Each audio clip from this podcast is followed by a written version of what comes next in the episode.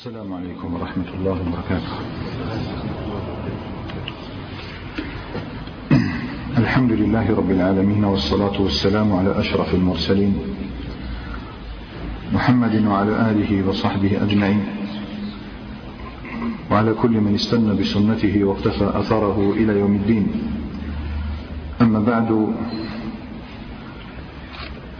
فلازمنا في أحداث غزوة تبوك.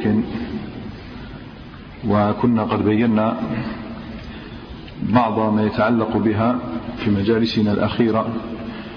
فرأينا أسماء هذه الغزوة فسميت بغزوة تبوك وغزوة العسرة والغزوة الفاضحة. ورأينا زمن هذه الغزوة ومكانها وكم تبعد تبوك عن المدينة النبوية. واستطلعنا الأحوال التي كانت تمر بالمدينة في هذه الأيام. فالأحوال لا تساعد لا من قريب ولا من بعيد الدولة الإسلامية لتخوض حربا مع أي قبيلة. فكيف سيكون الأمر حليفهم وهم سيحاربون من؟ الروم. فرأينا كيف كانت الأحوال الاقتصادية في المدينة في تلك الأيام. فقد كانت السنة مجدبة وكانت قحطا غالت الأسعار زد وكان أيضا ملك غسان ومعه هرقل عظيم الروم. قد قرر غزو المدينة في عقر ديار المسلمين. زد رأينا أيضا موقف المنافقين المخذل فهم الآن بنوا مسجدا بجانب مسجد قباء مسجد بني عمرو بن عوف. فهؤلاء أرادوا أن يبنوا مسجدا وألبسوه لباسا من التقوى وأرادوا بذلك أن يجهزوا فيه جماعة يفرقون بها بين المسلمين لأنهم يعلمون أن قوة المسلمين تكمن في أمرين عظيمين أولا اليقين في الله عز وجل وهذا سيثيرون من أجله الشبهات. والوحدة وحدة الصف التي كان يتميز بها المسلمون فقرروا أن يفرقوا بين المسلمين وذلك ببناء مسجد آخر. واستأذنوا النبي عليه الصلاة والسلام وهو في عالم آخر عالم تحضير الجيش فطلبوا منه أن يأتي ويصلي في هذا المسجد. ولو صلى فيه الرسول عليه الصلاة والسلام فذلك يعني أنه أقرهم على بنائه وثبته وبارك فيه. ولكنه عليه الصلاة والسلام عصمه الله ولم يصلي فيه وقال إني في شغل فأترك الأمر حتى أرجع وأقفل من تبوك. وقطعنا حديثنا بما جرى في بيت رسول الله عليه الصلاة والسلام من أحداث والغرض من ذلك كله هو بيان أن المسلمين ما عادوا يسمعون صوتا ولا صيحة إلا ظنوا جيش الروم قد قد قدم من الشمال. النبي عليه الصلاة والسلام انصرف عن هذا كله وانصرف عن المنافقين وبقي يفكر كيف سيجهز هذا الجيش الذي سيقاوم الروم. وقرر غزو الروم قبل أن يأتوا لأنه عليه الصلاة والسلام لو لو لم يغزهم لخسر كل ما بناه خلال هذه السنوات. فهو الآن لن يترك الروم يجوسون خلال ديار ومناطق المسلمين وبل المناطق التي دخلت في حلف المسلمين. وقد بقي من أمر الجاهلية أنفاس أخيرة. لبقية بعض القبائل القليلة جدا لا تكاد تعد. فالآن هذه الضربة ستكون قاسمة لظهور المسلمين. فقرر أنه لن يتسامح مع الروم ولا بد أن يخوض هذه الحرب والله سبحانه وتعالى معه. ولكن الآن أن له أن يجهز جيشا قوامه كما سنرى ثلاثين ألف. من أين تأتي أولا بالحملان بالبعير والخيل؟ من أين تأتي بالسلاح؟ من أين تأتي بالنبال بالسهام بالرماح؟ من أين تأتي بالتروس بالدروع؟ هذا كله يحتاج في أيامنا هذه الملايير الممليرة والقناطير المقنطرة. جيش يفوق عدد جيش الفتح. من جيش الفتح كان عشرة آلاف. جيش الذي خاض هوازن وحنين والطائف 12 ألف. هذا ثلاثون ألف. فجيش يحتاج إلى مثل هذا العدد أو هذا العدد يحتاج إلى مثل هذه العدة والزاد والمال. كان من أجل ذلك النداء النبوي الأول منذ وطئت قدماه المدينة لم ينادي في تجهيز الجيوش أبدا. كان يخرج بمن معه. لكن هذه المرة قرر أن ينادي بجمع التبرعات كما يقال. فأعلن هذا النداء وأعلن نداء غريبا لم يفعله من قبل وهو أنه عين وجهته. الرسول عليه الصلاة والسلام ولا مرة خرج يجاهد في سبيل الله أبدا ما عين الوجهة التي يريدها. كان دائما يوري يعني يستعمل التورية. هذه المرة عين الوجهة. سنذهب إلى الشام إلى تبوك. ويدل على هذه الأحوال التي ذكرناها. كلها حديث البخاري عن كعب بن مالك وهذا الحديث سنراه معنا سنراه مرارا يأتي معنا ويتكرر. قال لم يكن رسول الله عليه الصلاة والسلام يريد غزوة إلا ورى بغيرها. ورى بمعنى يستعمل التورية. حتى كانت تلك الغزوة يقصد غزوة تبوك غزاها رسول الله عليه الصلاة والسلام في حر شديد حر عجيب. واستقبل سفرا بعيدا. شفنا بلي 700 وأكثر من 700 كيلومتر. ومفازا والأرض ليست سهولا ولا رمالا. هكذا سهلة تمشي عليه. بل مفازة يعني الصحراء قاحلة جدبة سوداء. والذي يعرف طريق من المدينة إلى الشام يدرك هذا.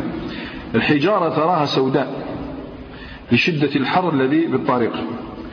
إذا فالحر شديد. والسفر بعيد.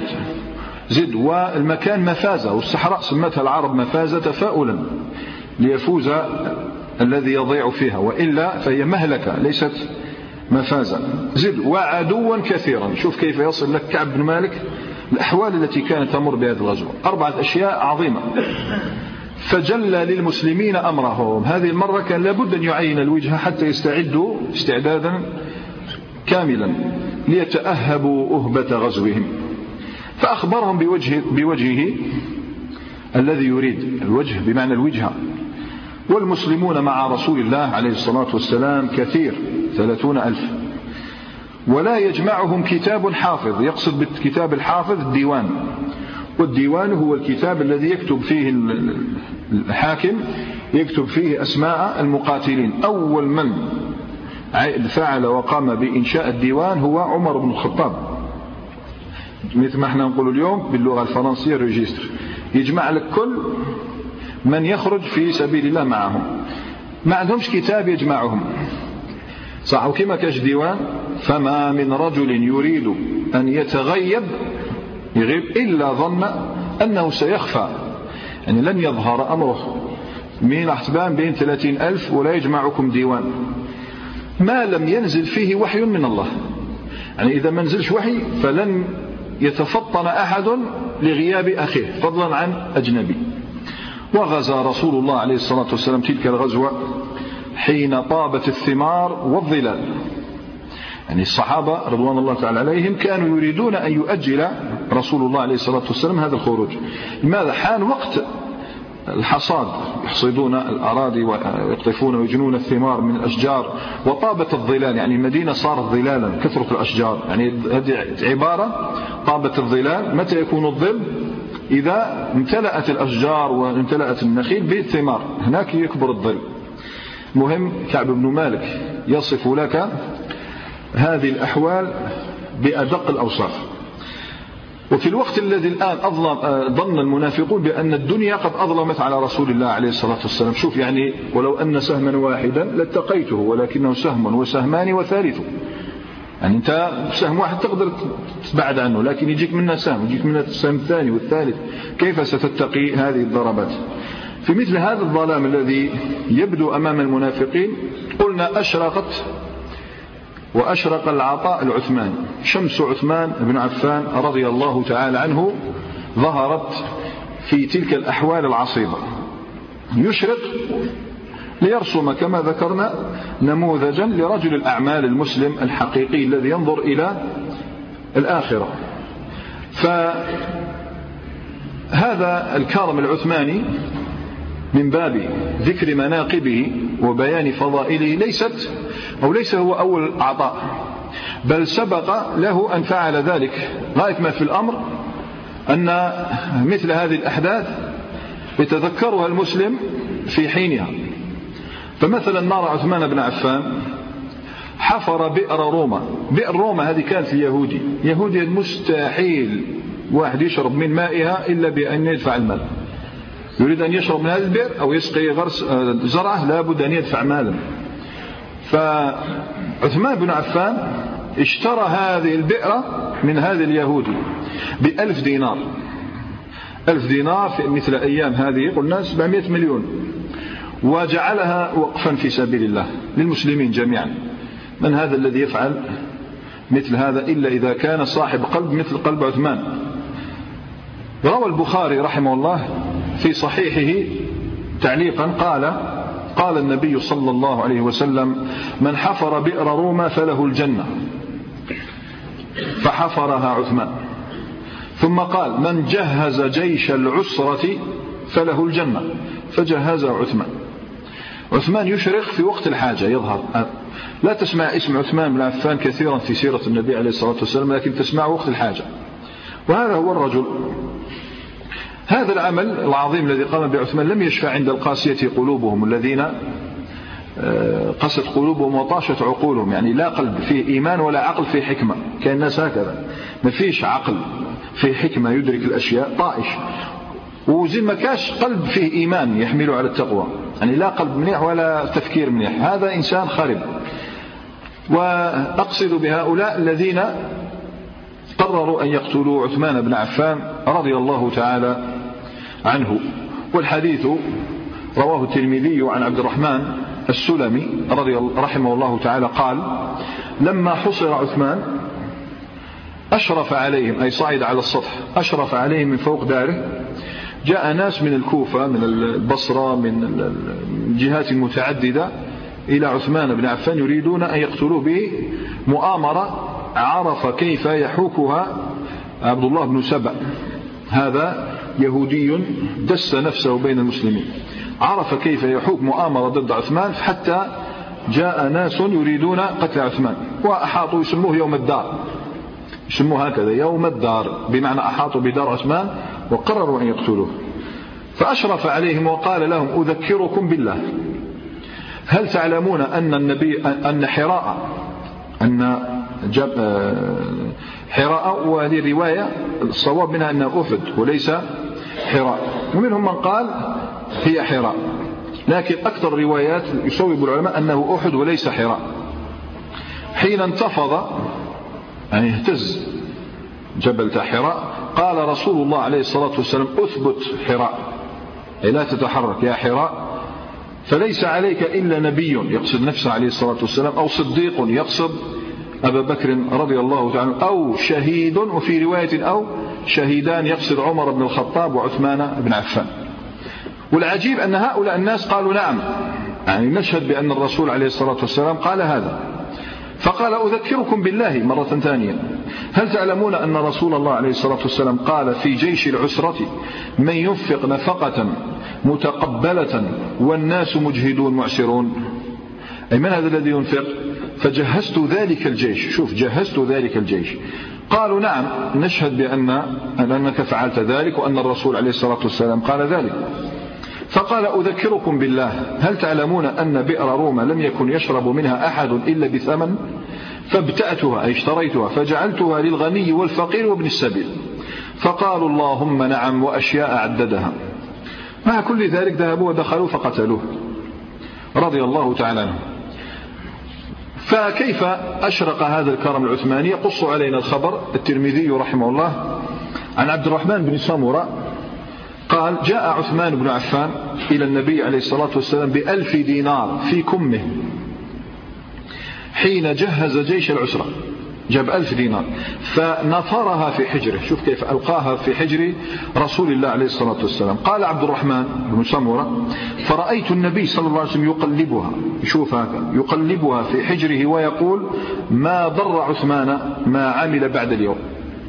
يعني ما ضر أي شيء يفعله عثمان بن عفان ما ضره بعد اليوم. يعني ليفعل ما شاء؟ مثل قول الله سبحانه وتعالى آه، في على لسان النبي عليه الصلاة والسلام إن الله قد اطلع على أهل بدر فقال اعملوا ما شئتم فقد غفرت لكم. يعني بعد حضور بدر اعملوا ما شئتم. قالها النبي عليه الصلاة والسلام هذه الكلمة مرتين. ما ضر عثمان ما عمل بعد اليوم ما ضر عثمان ما عمل بعد اليوم. هذا بعض النور الذي سطع على عثمان الذي سطع من عثمان وهو الملقب باش بذي النورين. ذو النورين لأجل بنتي رسول الله عليه الصلاة والسلام. لكن هذا النور بحق ظهر في مثل هذا اليوم. هناك رواية ينبه عليها آه، مشهورة في كتب السيرة أيضا رواه الترمذي وأحمد أنه لما أمر النبي عليه الصلاة والسلام بتجهيز جيش العسرة قام عثمان فقال علي مئة من الإبل بأحلاسها وأقتابها. بأحلاسها وأقتابها. فالنبي عليه الصلاة والسلام قال المرة الثانية من يجهز جيش العسرة؟ فقام عثمان علي مئة من الإبل بأحلاسها وأختابها إذا صاروا مئتين.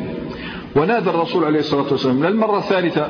من يجهز جيش العسرة فقام عثمان فقال علي مئة من الإبل بأحلاسها وأختابها هذا الحديث ضعيف.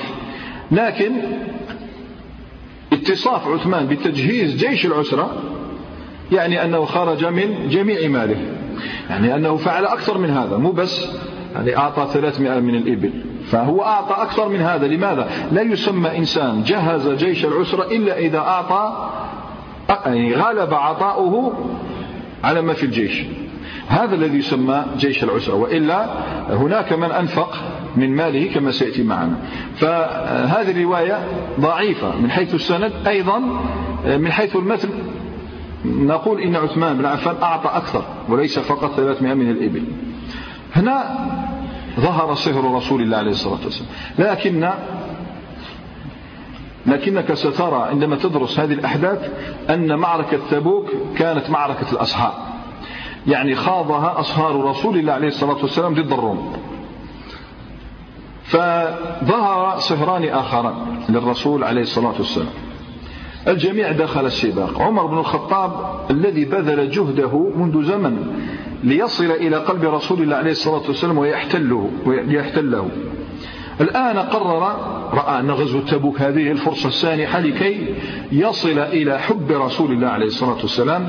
فإذا به طبعا فوجئ بهذا الكرم العثماني يعني غير شاف عثمان بن عفان وش دار راحت المكانة رقم واحد. المهم هو ليه هم عثمان شكون أبو بكر الصديق. على الأقل إذا فاته عثمان فليحاول أن يسبق أبا بكر الصديق وفي ذلك فليتنافس المتنافسون. فجاء عمر بن الخطاب وهو كله ثقة بأنه خلاص سيصل في المرتبة الثانية إذ فاتته المرتبة الأولى. روى الترمذي وأبو داود والدارمي عن عمر بن الخطاب قال أمرنا رسول الله عليه الصلاة والسلام أن نتصدق. فوافق ذلك عندي مالا. يعني الحمد لله كان عندي مال. فقلت اليوم أسبق أبا بكر.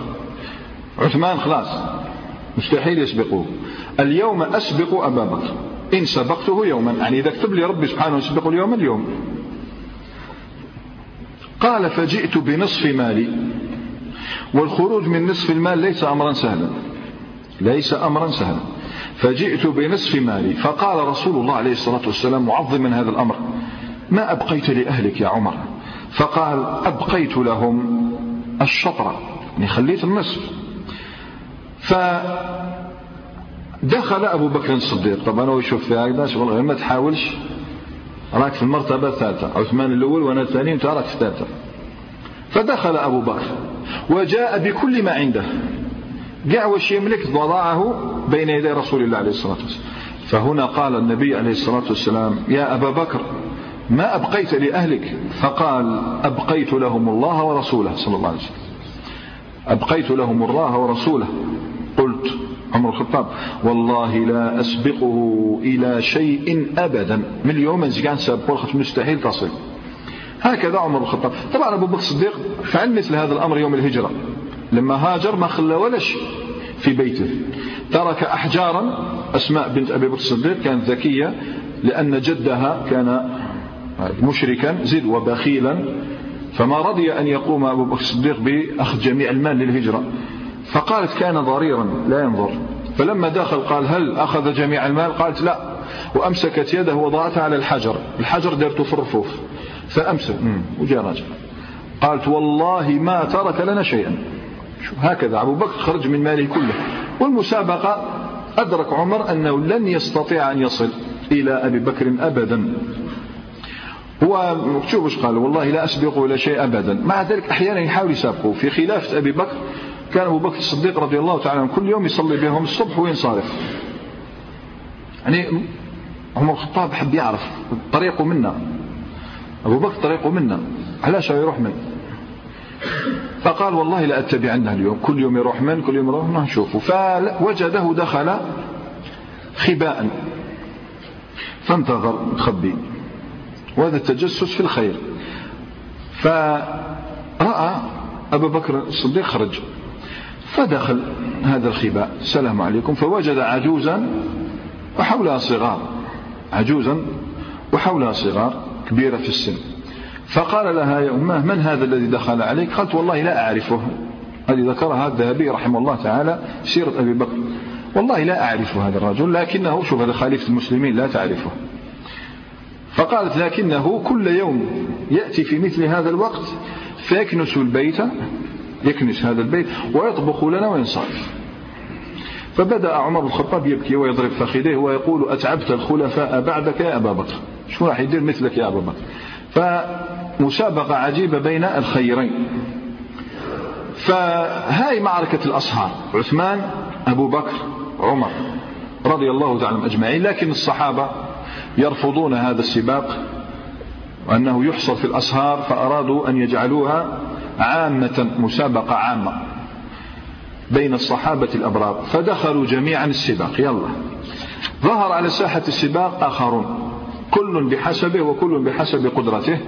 وسترى فعل الصحابة لا تحقرن من المعروف صغيرة إن البعوضة تدمي مقلة الأسد. لا تحقر شيئا إن الجبال من الحصى. صار الصحابة تعرف يديروا ذوك الأيام؟ والسخانة يعني شيء عجيب رهيب.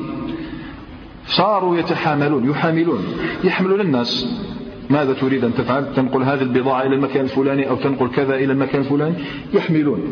فكانوا يحاملون على أجرة وهذه الأجرة يضعونها بين يدي رسول الله عليه الصلاة والسلام. هذا الذي ليس له شيء الذي لا يملك شيء يحمل شيء يأخذ أجرة يأخذها لرسول الله عليه الصلاة والسلام ويتصدقون بالمال. روى الإمام الطبري شوف السباق عن عمر بن أبي سلمة عن أبيه عبد الرحمن بن عوف رضي الله تعالى عنهم جميعا أن رسول الله عليه الصلاة والسلام قال تصدقوا فإني أريد أن أبعث بعثا. يبعث جيش. فقال عبد الرحمن بن عوف رضي الله تعالى عنه وهو من العشر المبشرين بالجنة فقال يا رسول الله عليه الصلاة والسلام إن عندي أربعة آلاف ألفين أقرضهم الله وألفين لعيالي نصف. فقال رسول الله عليه الصلاة والسلام بارك الله لك فيما أعطيت وبارك الله لك فيما أمسكت. دعاله بالبركة لأنه أصاب السنة. شيء أقرضه لله وشيء وضعه لعياله لا يجعلهم يتكففون. فقال رجل من الأنصار وإن عندي صاعين من تمر. صاع أربعة أمداد من تمر يعني أربع حفنات من تمر. هذا صاع. عندي صاعان من تمر يعني ثمان أمداد ثمان حفنات تاع تمر.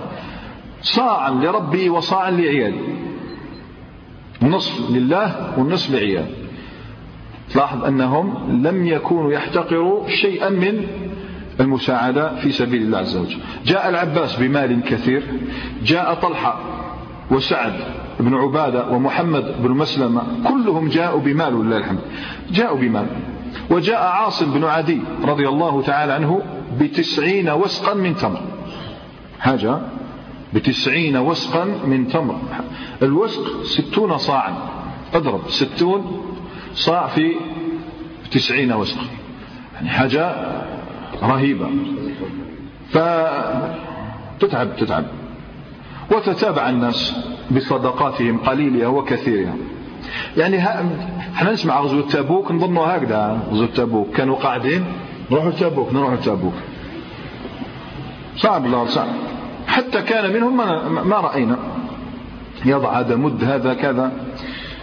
بل إن منهم من أنفق دون ذلك ولم يكن يستطيع غير ذلك. حتى النساء شاركنا في غزوة تبوك فبعثت هذه بحليها وهذه بقرط وهذه بقلادة وهذه بخلخال. واحدة ما عندها غير خلخال تبعت. قرط قرط يعني منقوشة تبعتها. وترسلها إلى رسول الله عليه الصلاة والسلام. وبعضهم أرسلنا خواتم. خاتم يفيد يفيد. يلا حط الخاتم. مهم؟ نجاهد من لم يستطع أن يجاهد بنفسه فليجاهد بماله. ويبدو أن المنافقين طبعا المنافقون هم هكذا لم يعجبهم هذا السباق الذي خاضه الصحابة رضوان الله تعالى عليهم.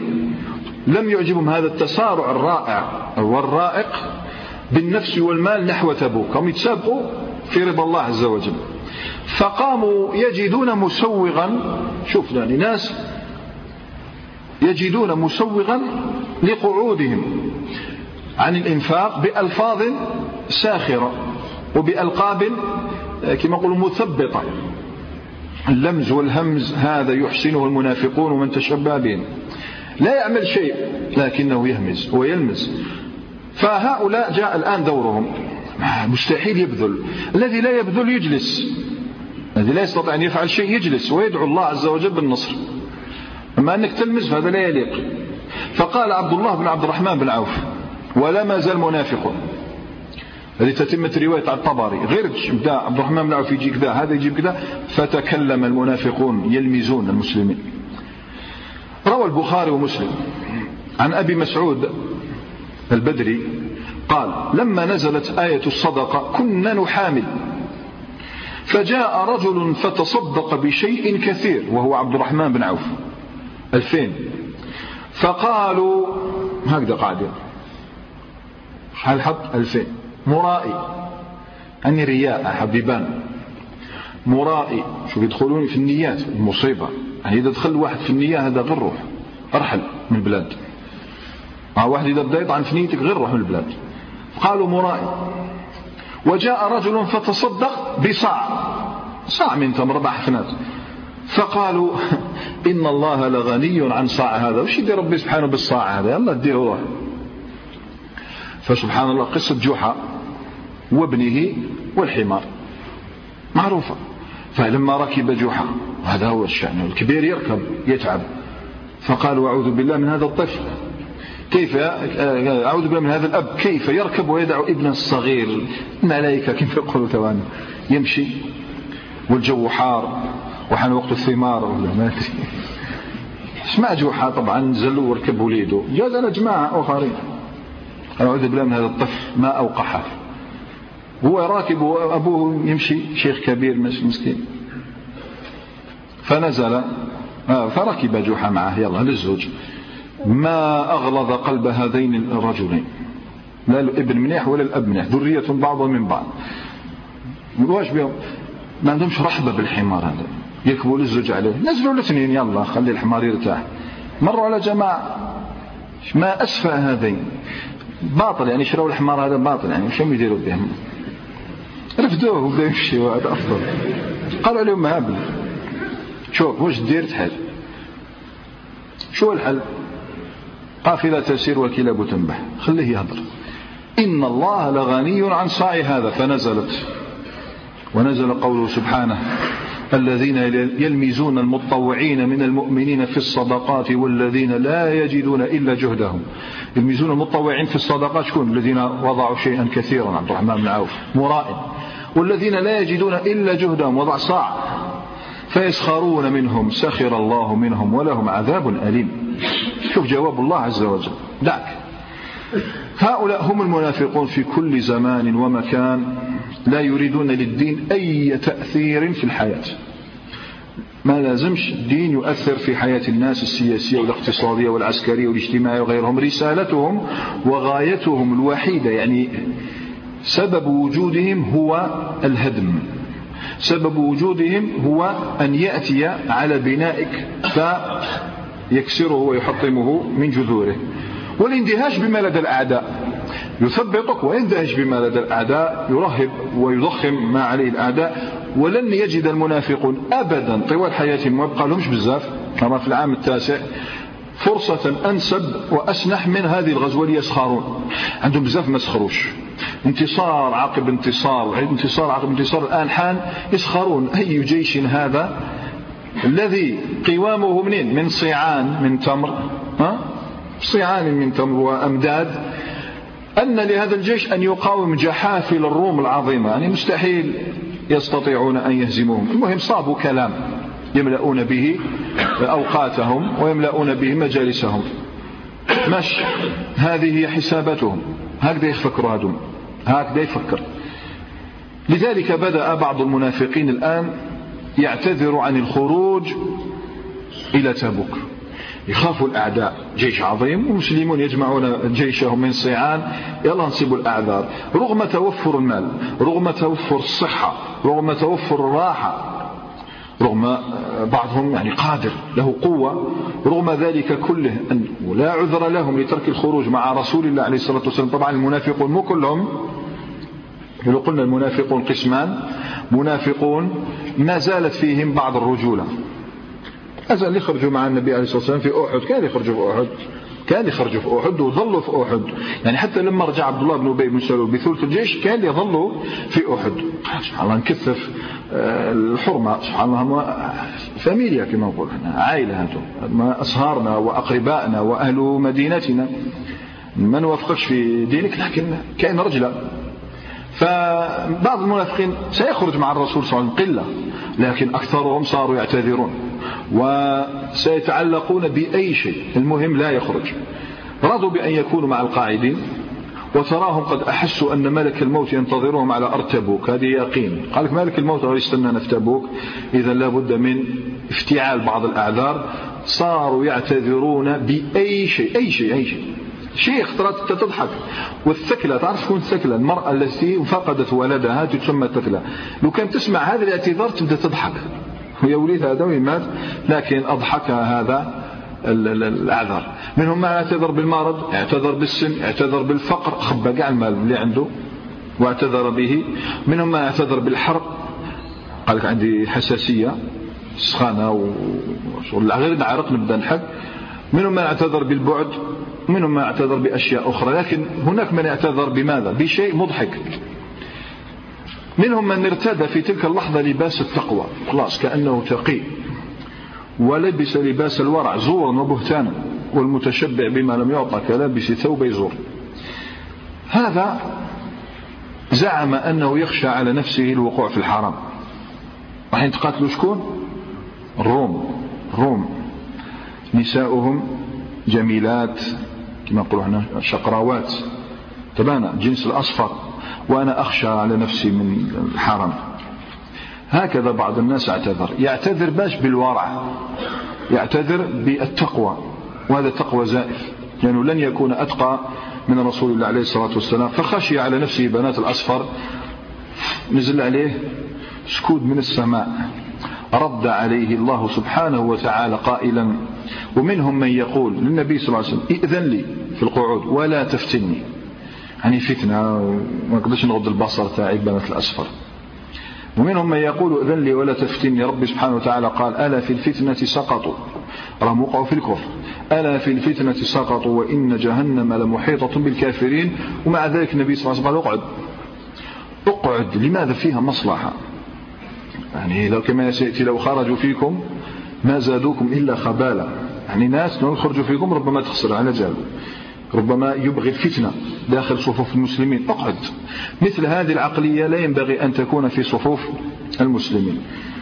طبعا رضوا بالقعود وستنزل فيهم آيات كالرعود يعني تقصفهم وتمحوهم. تركهم وولى وتأهب الجيش للانطلاق. شوف هذا التحضير. أياما وأياما. الجيش راهو غير كل يوم يلحق واحد. أنا آتي ها فلان وقدر يجي فلان وجاي فلان وجاي باش الرسول صلى الله عليه وسلم يدير حسابه. بكم سينطلق.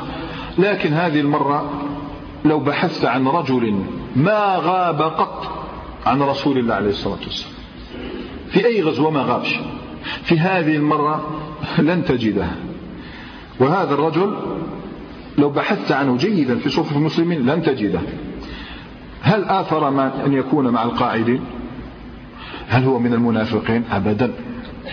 إنه علي بن أبي طالب. مستحيل يكون من المنافقين. زد رضي أن يكون من القاعدين. مستحيل.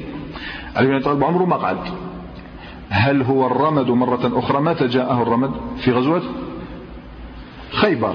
لما أعطاه الرسول صلى الله عليه وسلم اللواء ربما عاد إليه الرمد. ما صح يخرج؟ لا. إذا فهو زي ما تكلمناش عن نقطة مهمة.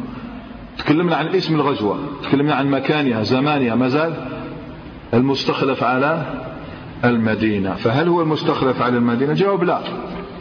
ليس كذلك. لأن المستخلف على المدينة هو محمد بن مسلمة الأنصاري. هذا هو الصحيح. منهم من قال سباع بن عرفطة لكن الصواب محمد بن مسلم الأنصاري. أما علي بن أبي طالب تعرفوا ليش ما هوش خارج؟ لأن الرسول صلى الله عليه وسلم أمره أن يخلفه في أهله وأهله. خلفني في أهلي وأهله وأمر أهله أن يطيعوا علي بن أبي طالب. أقم هنا وابقى خليفة على أهلي وعلى أهلك أيضا. وكانت هذا كان هذا القول من رسول الله عليه الصلاة والسلام قاصمة لظهر علي. علي بن أبي طالب لا يتخيل أبدا أن يغيب عن رسول الله عليه الصلاة والسلام إلا إلا إذا خرج في سرية يعني من أجل قتال يغيب عن رسول الله عليه الصلاة والسلام. يخليه باش يروح القتال. الآن الرسول صلى الله عليه وسلم راح يقاتل وعلي يبقى. هذا ما دخلتوش في راسه علي بن أبي طالب. فقتال من؟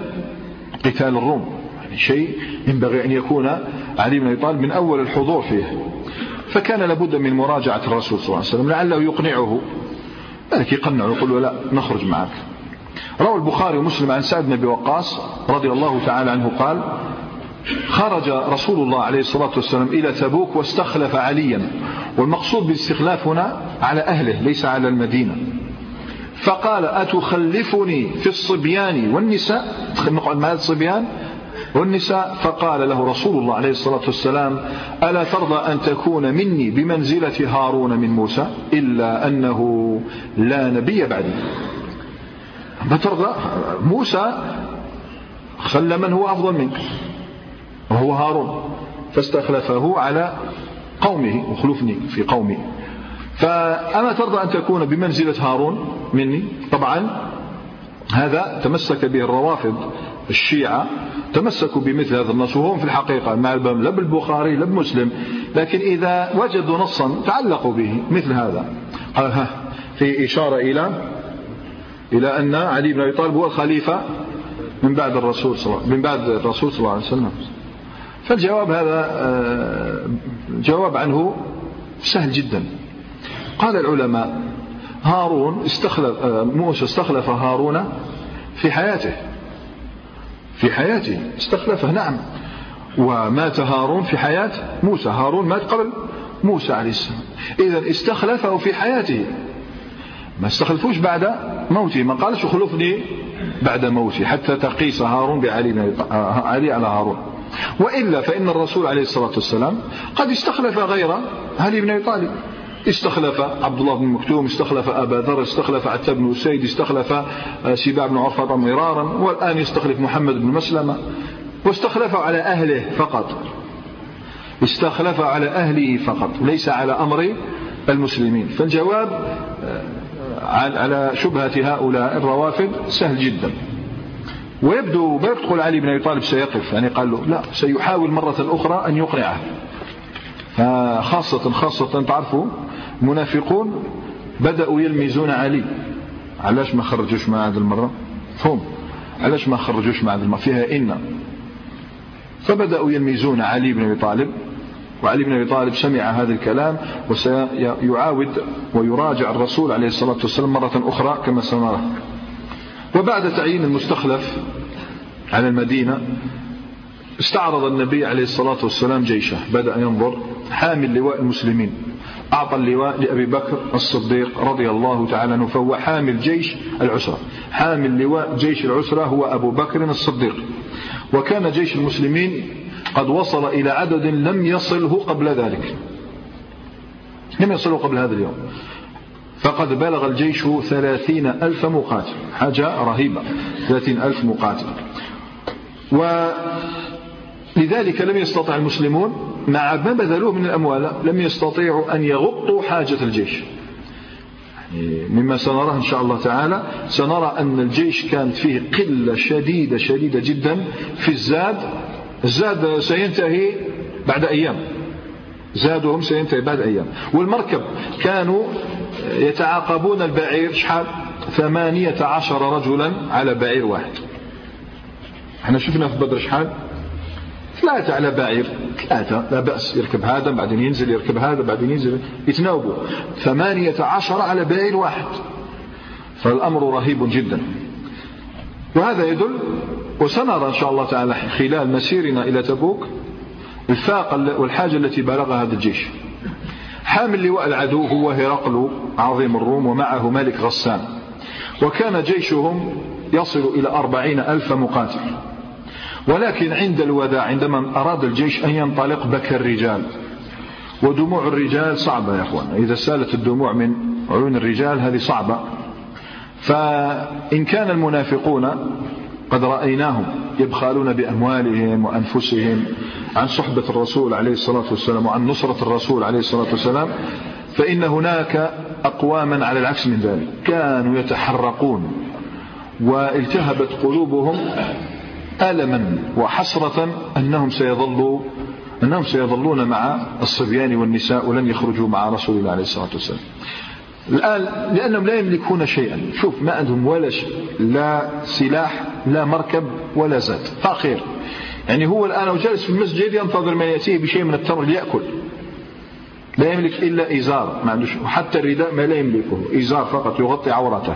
هكذا بعض الفقراء فصاروا يبكون. حتى الرسول عليه الصلاة والسلام صاحب الجود العظيم ما كان يملك شيئا ليحملهم عليه. فكانت لحظات الوداع لحظات لحظات مليئة بالدموع ولحظات فاضت فيها قلوبهم أسا وألما. فالفقر قد قال كلمته في هذه الغزوة وحال بينه بين الصحابة وبين معانقتهم الموت والشهادة. يعني الفقر هنا منعهم قال لن تذهبوا إلى الموت في سبيل الله ولن تذهبوا لتنالوا هذه الوسام الشهادة. دموع خلدت خلدت صراحة. يعني دموع خلدها القرآن الكريم وخلد أصحابها وتردد صداها على مر الأجيال. ولا يزال المسلمون يقرؤون عن هذه الدموع فقد صورها القرآن الكريم تصويرا رائعا رائقا بليغا. قال الله تعالى ليس على الضعفاء ولا على المرضى ولا على الذين لا يجدون ما ينفقون حرج إذا نصحوا لله ورسوله. إذا فعلوا جهدهم. ما على المحسنين من سبيل. ما على المحسنين من سبيل. هؤلاء محسنون. من سبيل ما ليس عليهم سبيل. والله غفور رحيم. ولا على الذين إذا ما أتوك لتحملهم. قلت لا أجد ما أحملكم عليه. تولوا وأعينهم تفيض من الدمع حزنا ألا يجدوا ما ينفقون. إنما السبيل على الذين يستأذنونك وهم أغنياء. رضوا بأن يكونوا مع الخوالف. وطبع الله على قلوبهم فهم لا يعلمون. وسنرى كيف طبع الله على قلوبهم. بنوا مسرحا للتنكيت والسخرية بالمسلمين رضي الله تعالى كفى هؤلاء إذن فخرا وشرفا أن القرآن سجل دموعهم وتحدث عنها لأمتهم. الأمة كلها الآن تتحدث عن هؤلاء. أما القاعدون وخاصة المنافقون فهؤلاء لهم رصيد. رصيد, رصيد عظيم للأعذار. ولا تنتهي أعذارهم. إذا سددت لهم بابا من الأعذار فتحوا لك بابا آخر. فتراهم الآن يعتذرون من النبي عليه الصلاة والسلام. زدوا وعندما ينفردون يسخرون. هؤلاء سيقاتلون الروم. مستحيل فإذا الآن بينما هم يضحكون إذا بهم تتوقف ضحكاتهم. توقفوا تماما عن الضحك. واختنقت كلماتهم في حناجرهم. ما استطاعوا أن يتكلموا بكلمة. فقد نزل الوحي يفضحهم. نزل الوحي. وإذا نزل الوحي رددته المدينة ورددته كل البيوت ردده الأطفال ردده النساء. كل طرقات المدينة الآن تتلى فيها فضيحة لهؤلاء المنافقين. آيات فضحت المنافقين وشدت من أزر المؤمنين. قوت شوية المؤمنين خاصة الذين كانوا قد أشاروا على الرسول عليه الصلاة والسلام بأن يتأخر في الخروج حتى آه، يحين وقت الحصاد. فهذه الآيات ربطت على قلوب المؤمنين. نزل الوحي يسلط الأضواء. يعني الأضواء كشفت زوايا المنافقين المعتمة وخباياهم العافنة يقول الله عز وجل يا أيها الذين آمنوا ما لكم إذا قيل لكم انفروا في سبيل الله اثاقلتم إلى الأرض؟ شو لك العبارة؟ اثاقلتم إلى الأرض. ما قالش تثاقلتم اثاقلتم. قال لك هنا اللفظ يعبر عن المعنى. أرضيتم بالحياة الدنيا من الآخرة؟ فما متاع الحياة الدنيا في الآخرة إلا قليل. إلا تنفروا يعذبكم عذابا أليما ويستبدل قوما غيركم ولا تضروه شيئا والله على كل شيء قدير. أعطينا الدليل يا رب. أعطينا الدليل. إلا تنصروه فقد نصره الله. إذ أخرجه الذين كفروا ثاني اثنين إذ هما في الغار. إذ يقول لصاحبه لا تحزن إن الله معنا. فأنزل الله سكينته عليه وأيده بجنود لم تروها. وجعل كلمة الذين كفروا السفلى. وكلمة الله هي العليا والله عزيز حكيم. يعني هنا الناس قاعد يفكروا صح. يعني الرسول عليه الصلاة والسلام الأم البلاد كلها كانت ضده. وخرج وحده هو أبو بكر الصديق ومع ذلك نصره الله عز وجل. إذا فالله ناصر عبده. انفروا خفافا وثقالا وجاهدوا بأموالكم وأنفسكم في سبيل الله. ذلكم خير لكم إن كنتم تعلمون. لو كان عرضا قريبا حاجة قريبة يعني شيء يعرضه عليكم. عرضا عرض عليكم شيء مغانم قريبة غير هنا. قال عند غطفان ولا؟ عند هوازن. لو كان عرضا قريبا وسفرا قاصدا سفر قاصد يعني معتدل. جو معتدل ضليلة الماكلة كاينة أه؟ وسفرا قاصدا لاتبعوك. آه يتبعوك ولكن بعدت عليهم الشقة. وسيحلفون بالله لو استطعنا لخرجنا معكم. يهلكون أنفسهم. والله يعلم إنهم لكاذبون. عفى الله عنك لما أذنت لهم حتى يتبين لك الذين صدقوا وتعلم الكاذبين. يستأذنك الذين يؤمنون بالله واليوم الآخر أن يجاهدوا بأموالهم وأنفسهم والله عليم بالمتقين. إنما يستأذنك من؟ الذين لا يؤمنون بالله واليوم الآخر وارتابت قلوبهم فهم في ريبهم يترددون. ولو أرادوا الخروج لأعدوا له عدة ولكن كره الله بعاثهم فثبطهم وقيل اقعدوا مع القاعدين. الآن جاء التسلية للرسول عليه الصلاة والسلام. لو خرجوا فيكم ما زادوكم إلا خبالا يعني جو يفسدون فيكم. لو خرجوا فيكم ما زادوكم إلا خبالا ولأوضعوا خلالكم. شوفوا العبارة هذه. خلالكم بينكم. يحطوا أشياء بينكم. خلالكم. ولا أوضعوا خلالكم. يبغونكم الفتنة. وفيكم المشكلة سماعون لهم. هاي المشكلة. لو كانوا دخلوا بيناتكم ووضعوا الدسائس وما حد ما يسمع. فيكم سماعون لهم. كان الناس يستجيبون لأي شيء يسمعونه. وفيكم سماعون لهم والله عليم بالظالمين. لقد ابتغوا الفتنة من قبل وقلبوا لك الأمور حتى جاء الحق وظهر أمر الله وهم كارهون ومنهم من يقول هذا كيش تخبى ضر مغبي كيش تخبى ومنهم من يقول أذن لي ولا تفتني. قاك عليا ومنهم من يقول أذن لي ولا تفتني. ألا في الفتنة سقطوا. شعب من القرآن كي ينزل؟ يسليك. يقول لك على الحق لا تلتفت. ألا في الفتنة سقطوا وإن جهنم لمحيطة بالكافرين. إن تصبك حسنة نصر. وغنيمة تسؤهم. وإن تصبك مصيبة يقول قد أخذنا أمرنا من قبل ويتولوا وهم فرحون. قل لن يصيبنا. ونحن خارجون إلى تبوك. إلا ما كتب الله لنا. هو مولانا. هو ناصرنا. وعلى الله فليتوكل المؤمنون. قل هل تربصون بنا؟ ماذا تنتظرون؟ هل تربصون بنا إلا إحدى الحسنين ما الذي سنخسر؟ إحدى الحسنين إما النصر أو الشهادة. إلا إحدى الحسنين ونحن نتربص بكم أن يصيبكم الله بعذاب من عنده أو بأيدينا. فتربصوا إنا معكم متربصون. قل أنفقوا طوعا أو كرها. أنفقوا حتى ولو أنفقت الآن أنتم. بهذه العقلية. حتى ولو أنفقت لن يتقبل منكم إنكم كنتم قوما فاسقين.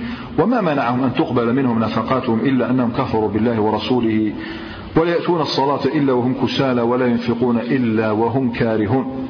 فلا تعجبك أموالهم ولا أولادهم. إنما يريد الله ليعذبهم بها في الحياة الدنيا وتزهق أنفسهم وهم كافرون. ويحلفون بالله. شوف كيف أخرجهم الله من صفوف المسلمين. ويحلفون بالله إنهم لمنكم وما هم منكم ولكنهم قوم يفرقون. لو يجدون ملجأ أو مغارات أو مدخلا لولوا إليه وهم يجمحون حتى قال الله سبحانه في آخر هذه القصة يحذر المنافقون أن تنزل عليهم سورة تنبئهم بما في قلوبهم. قل استهزئوا إن الله مخرج ما تحذرون. علاش الله سبحانه ركز بزاف على مسألة السخرية والاستهزاء؟ لأنها شديدة على النفوس تثبط كثيرا من الهمم. إذا سخر الإنسان منك واتهمك وجعلك يعني أضحوك تتثبط تتثبط وتترك العمل. طبعا هذه الآيات خنقت المنافقين خنقا شديدا حتى الهواء تاع الأرض كلها ما عاد يكفي صدورهم. ما قدرش يفتح صدورهم فلم يجدوا هواء يستنشقونه ولا أرضا تحمل أقدامهم. لقد تحولت قضية تبوك من مسرح كانوا اتخذوه للسخرية والاستهزاء كانوا يجلسون ويضحكون. تحول هذا المسرح إلى أنقاض على رؤوسهم يعني طاح على رؤوسهم هذا المسرح وأصبحوا خاجلين من أنفسهم. يعني كي من نفسه يخجل ومن أزواجهم بل ومن بعضهم بعضا. ومن المؤمنين بل ومن النخل ومن الجدران صاروا يظنون كل شيء الآن يشير إليهم بالنفاق. فضحهم الله سبحانه وتعالى الآن تدرك قول السلف عن هذه السورة الفاضحة المقشقشة. ما تركت صفة إلا ذكرتها. أما المؤمنون فالحمد لله كانت هذه الآيات بردا وسلاما على قلوبهم. ذكرهم ربهم سبحانه وتعالى بحال نبيهم عليه الصلاة والسلام. يوم خرج طريدا شريدا فآواه وأيده بجنود لم تروها. تذكروا كيف نصره الله يوما عدم الناصر وآواه يوما عدم المؤوي. زد هؤلاء الذين كانوا يطاردونه بالأمس الآن لو التفت في الجيش لوجدتهم معه يقاتلون سبحان الله. هؤلاء الذين كانوا يطاردون أمس الصحراء يبحثون عنه الآن هم خلفه. سيقاتلون الروم. بل إن بعض جيوش الروم سيكون خلف مو خلفه بالضبط لكن خلف خلفائه الذين يأتون من بعده. هذه الآيات طبعا أضرمت لهيبا في قلوب الصحابة رضوان الله تعالى عليهم خاصة خاصة في قلوب الفقراء. خايف فقير؟ ما فيش خارج. ما فيش خارج معهم وتسمع مثل هذه الآيات. ماذا أعد الله عز وجل للمسلمين؟ النصر أو الشهادة وغير ذلك؟ فلم يرضوا. خاطر مقبل قنعناهم. الدموع تاعكم راهي سجلت في القرآن. خاطر ما نسحقش كاع الدموع أنا. دماء. لازم نخرج وأسيل دماء على أرض تبوك شو ندير بالدموع فهم. فقرروا أن يأتوا, أن يأتوا الرسول عليه الصلاة والسلام. ويلحون عليه في أن يخرجوا معه. وأرسلوا صحابيا رشحوه بأن يكون هو الذي يحدث الرسول عليه الصلاة والسلام. فقيرا مثلهم فجاءه وسيكون إن شاء الله تعالى. شأن فيها في مجيء هؤلاء الفقراء بهذا الطلب إلى رسول الله عليه الصلاة والسلام. روى البخاري ومسلم واللفظ للإمام مسلم عن أبي موسى. إذن الذي أرسلوه شكون؟ هو أبو موسى. وأصحابه شكون؟ الأشعريون. أصحاب شكون الذين جاءوا في العام السابع؟ تركوا بلادهم وجاءوا للمدينة ما يملكون شيئا. فأرسلوه ليخاطب الرسول عليه الصلاة والسلام يقول أبو موسى أرسلني أصحابي إلى رسول الله صلى الله عليه وسلم. أسأل أسأله له لهم الحملان. أسأله لهم الحملان أي بعير ليحملهم. ليخرجوا معه في جيش العسرة وهي غزوة تبوك. فقلت يا نبي الله عليه الصلاة والسلام إن أصحابي أرسلوني إليك لتحملهم. شوف الإلحاح. فقال عليه الصلاة والسلام والله لا أحملكم على شيء وما عندي ما أحملكم عليه ما عندي ولا شيء. قال وافقته وهو غضبان. كان غضبان النبي عليه الصلاة والسلام. ولا أشعر فرجعت حزينا من منع رسول الله عليه الصلاة والسلام ومخافة أن يكون قد وجد علي خفت. لأنه منع نزل ربما غضب علي فرجعت إلى أصحابي فأخبرتهم بالذي قال رسول الله عليه الصلاة والسلام. يعني الحزن هنا يعني كأنه ألقى بينهم قنبلة. قال فلم ألبث إلا سويعة إذ سمعت بلالا ينادي أي عبد الله بن قيس؟ لأن أبو موسى اسمه عبد الله بن قيس. فأجبته. فقال أجب رسول الله عليه الصلاة والسلام إنه يدعوك. فلما أتيت رسول الله عليه الصلاة والسلام قال خذ هذين القرينين بعيرين وهذين القرينين وهذين القرينين لستة أبعرة. رب سبحانه افتح على النبي عليه الصلاة والسلام بست من الإبل. سنرى من أين جاء. ابتاعهن من سعد. سعد بن أبي وقاص. جاء في أحد الغنائم داهم سعد بن أبي وقاص. قالوا هؤلاء بحمل الرسول عليه الصلاة والسلام. قال فانطلق بها إلى أصحابك. يلا ديهم أصحابك. فقل إن الله أو قال قل إن رسول الله صلى الله عليه وسلم يحملكم على هؤلاء. فاركبوهن. يعني هادوا الستة قل إن الله في رواية قل إن رسول الله صلى الله عليه وسلم. سنرى الحل في هذه القضية. شكون اللي يحملهم الله ولا الرسول صلى الله عليه وسلم؟ فقل قل إن الله أو قل إن رسول الله صلى الله عليه وسلم قد حملكم على هؤلاء فاركبوهن. قال أبو موسى فانطلقت إلى أصحابي بهن فقلت إن رسول الله صلى الله عليه وسلم يحملكم على هؤلاء. لكن بقات مشكلة. شنو هي؟ حلف الرسول صلى الله عليه وسلم. والله لا أحملكم على شيء. بقات مسألة اليمين. ماذا سيفعل رسول الله عليه الصلاة والسلام باليمين؟ والصحابة رضوان الله تعالى عليهم صحيح أنهم فرحوا بهذه الأبعرة لكنهم قرروا أن يأتوا رسول الله عليه الصلاة والسلام ويسألوه عن يمينه. هل نسي أو أنه تعمد ذلك؟ ربما ضروه من حيث لم يشعروا. وإن شاء الله تعالى نكمل هذا الحدث بعد الأذان. لشدة تقوى هؤلاء الرجال من الأشعريين أصحاب أبي موسى ولشدة حبهم لرسول الله عليه الصلاة والسلام. ما أحب أن ينطلقوا معه على هذه الأبعرة حتى يروا ماذا فعل بيمينه. روى البخاري ومسلم عن أبي موسى دائما رضي الله تعالى عنه قال إني أتيت رسول الله عليه الصلاة والسلام في نفر من الأشعريين نستحمله. أي نقول لو احملنا. فقال والله لا أحملكم وما عندي ما أحملكم. فأتي رسول الله عليه الصلاة والسلام بإبل فسأل عنا شو هو الذي سأل عنهم؟ شفنا أنه أرسل بلال. فقال أين النفر الأشعريون؟ فأمر لنا بخمس ذود بخمس ذود شفنا الرواية الأخرى؟ ستة. يجمع العلماء يقول لك اختلاط الإنسان ينسى يحدث بعادة دون آخر. بخمس ذود غر الذراء يعني غر الذراء الأسنمة تاعهم بيضاء. فانطلق فلما انطلقنا فرحانين قلنا ما صنعنا؟ شو عجيب هؤلاء الناس. ما صنعنا؟ يعني الحزن ما أنساهم الإلحاح والفرحة ما أنستهم أيضا آه، قيام الرسول عليه الصلاة والسلام بهذا الفعل. يعني كيف حنث في يمينه. فقلنا ما صنعنا؟ لا يبارك الله لنا. مستحيل يبارك لنا الله عز وجل. هم وين؟ الجهاد فرجعنا إليه فقلنا إنا سألناك أن تحملنا فحلفت ألا تحملنا. أفنسيت؟ صدق. فقال عليه الصلاة والسلام لست أنا حملتكم. لست أنا الذي حملتكم ولكن الله حملكم. هذا الجواب الأول. بعدين قال والله إن شاء الله. يعني حتى لو أنا كنت نحملكم والله إن شاء الله لا أحلف على يمين فأرى غيرها خيرا منها إلا أتيت الذي هو خير وتحللته.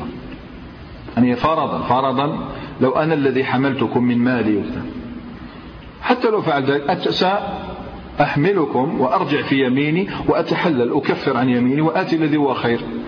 وهذا يفسر لنا قول الله سبحانه وتعالى ولا تجعلوا الله عرضة لأيمانكم. أن تبروا وتتقوا وتصلحوا بين الناس. يعني عمرك ما تحلف على أمر تاع خير ما تديروش. فإن فعلت فتحلل. تحلل من هذه اليمين. كفر وأتي الذي هو خير. ولا تبقى تعتذر باليمين.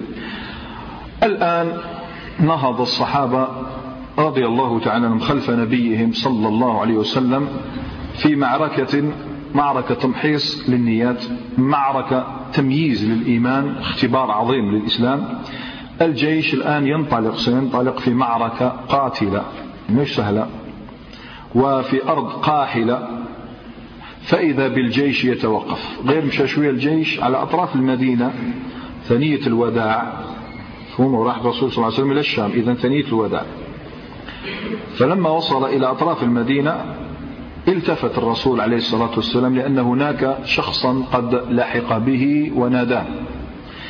روى ابن إسحاق بسند قوي عن سعد بن أبي وقاص رضي الله تعالى عنه قال لما خرج النبي صلى الله عليه وسلم من المدينة إلى تبوك خلف علي بن أبي طالب فأتاه بالجرف أي أطراف المدينة يحمل سلاحه شو علي بن أبي طالب؟ جاء مهم ولا شيء جاء يحمل السلاح. فقال يا رسول الله عليه الصلاة والسلام أتخلفني ولم أتخلف عنك في غزاة قط؟ فقال يا علي ارجع. ارجع أنا أمرتك من قبل ارجع. الآن بين له علي بن أبي وليت لك فقال إن المنافقين يزعمون أنك ما خلفتني إلا استثقالا بي. أن تستثقل بي إني لا أصلح. فقال يا علي أما ترضى أن تكون مني بمنزلة هارون من موسى إلا أنه لا نبي بعدي؟ ارجع فاخلفني في أهلي وأهلك. ارجع فاخلفني في أهلي وأهلك. إذا لم يبق بالمدينة إلا علي بن أبي طالب إلا الضعفاء إلا أصحاب الأعذار إلا المنافقون وإلا خمسة من الصحابة الكرام الأغنياء الأصحاء. خمسة من الصحابة الكرام بقوا في المدينة ولم يخرجوا. وهؤلاء سنرى إن شاء الله تعالى حالهم ونستمع أخبارهم في مجلسنا بعد غد إن شاء الله سبحانه وتعالى. نكتفي بهذا القدر الليلة وسبحانك اللهم وبحمدك.